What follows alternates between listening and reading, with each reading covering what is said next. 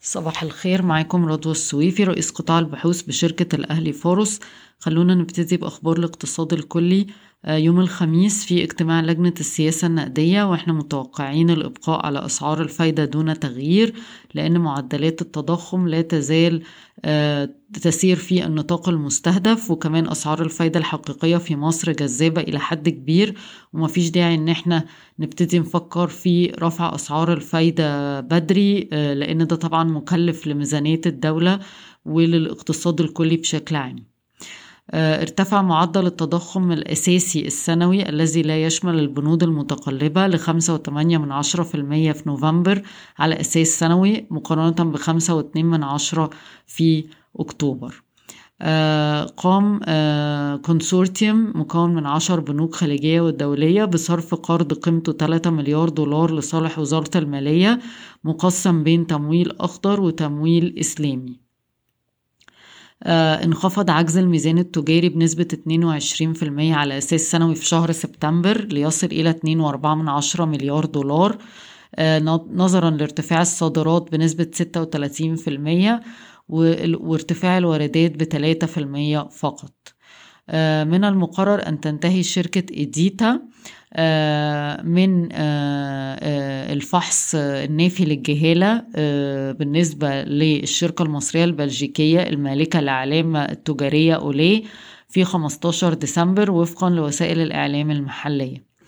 شركة دايس حصلت على موافقة الهيئة العامة للرقابة المالية على زيادة رأس المال من 106 مليون جنيه مصري ل 371 مليون جنيه مصري من خلال إصدار مليار وتلتمية خمسة وعشرين مليون سهم. دي من خلال إصدار حقوق أولية أو rights issue بقيمة اسمية قدرها عشرين قرش للسهم. إيه أسباب زيادة رأس المال؟ واحد استكمال شراء أصول Cairo Cotton اللي كانت أصلا قيمة الصفقة 120 مليون فاضل 36 مليون هيتم تسويتها. خفض الدين. الدين كان وصل 877 مليون جنيه في 30 6 20 21 تحسين رأس المال العامل لأن قيمة الالتزامات المتداولة بقت أعلى من قيمة الأصول المتداولة ب 152 مليون جنيه مصري. وتخفيف عبء خدمة الدين اللي هو كانوا بيدفعوا تقريبا تكلفة اقتراض 60 مليون جنيه في السنة. طيب عرض CI Capital للاستحواذ على ستة وعشرين واتنين من عشرة في المية من مستشفى كليوباترا أخذ موافقة هيئة الرقابة المالية وفترة الاكتتاب في العرض هتكون من 13 ل 22 ديسمبر.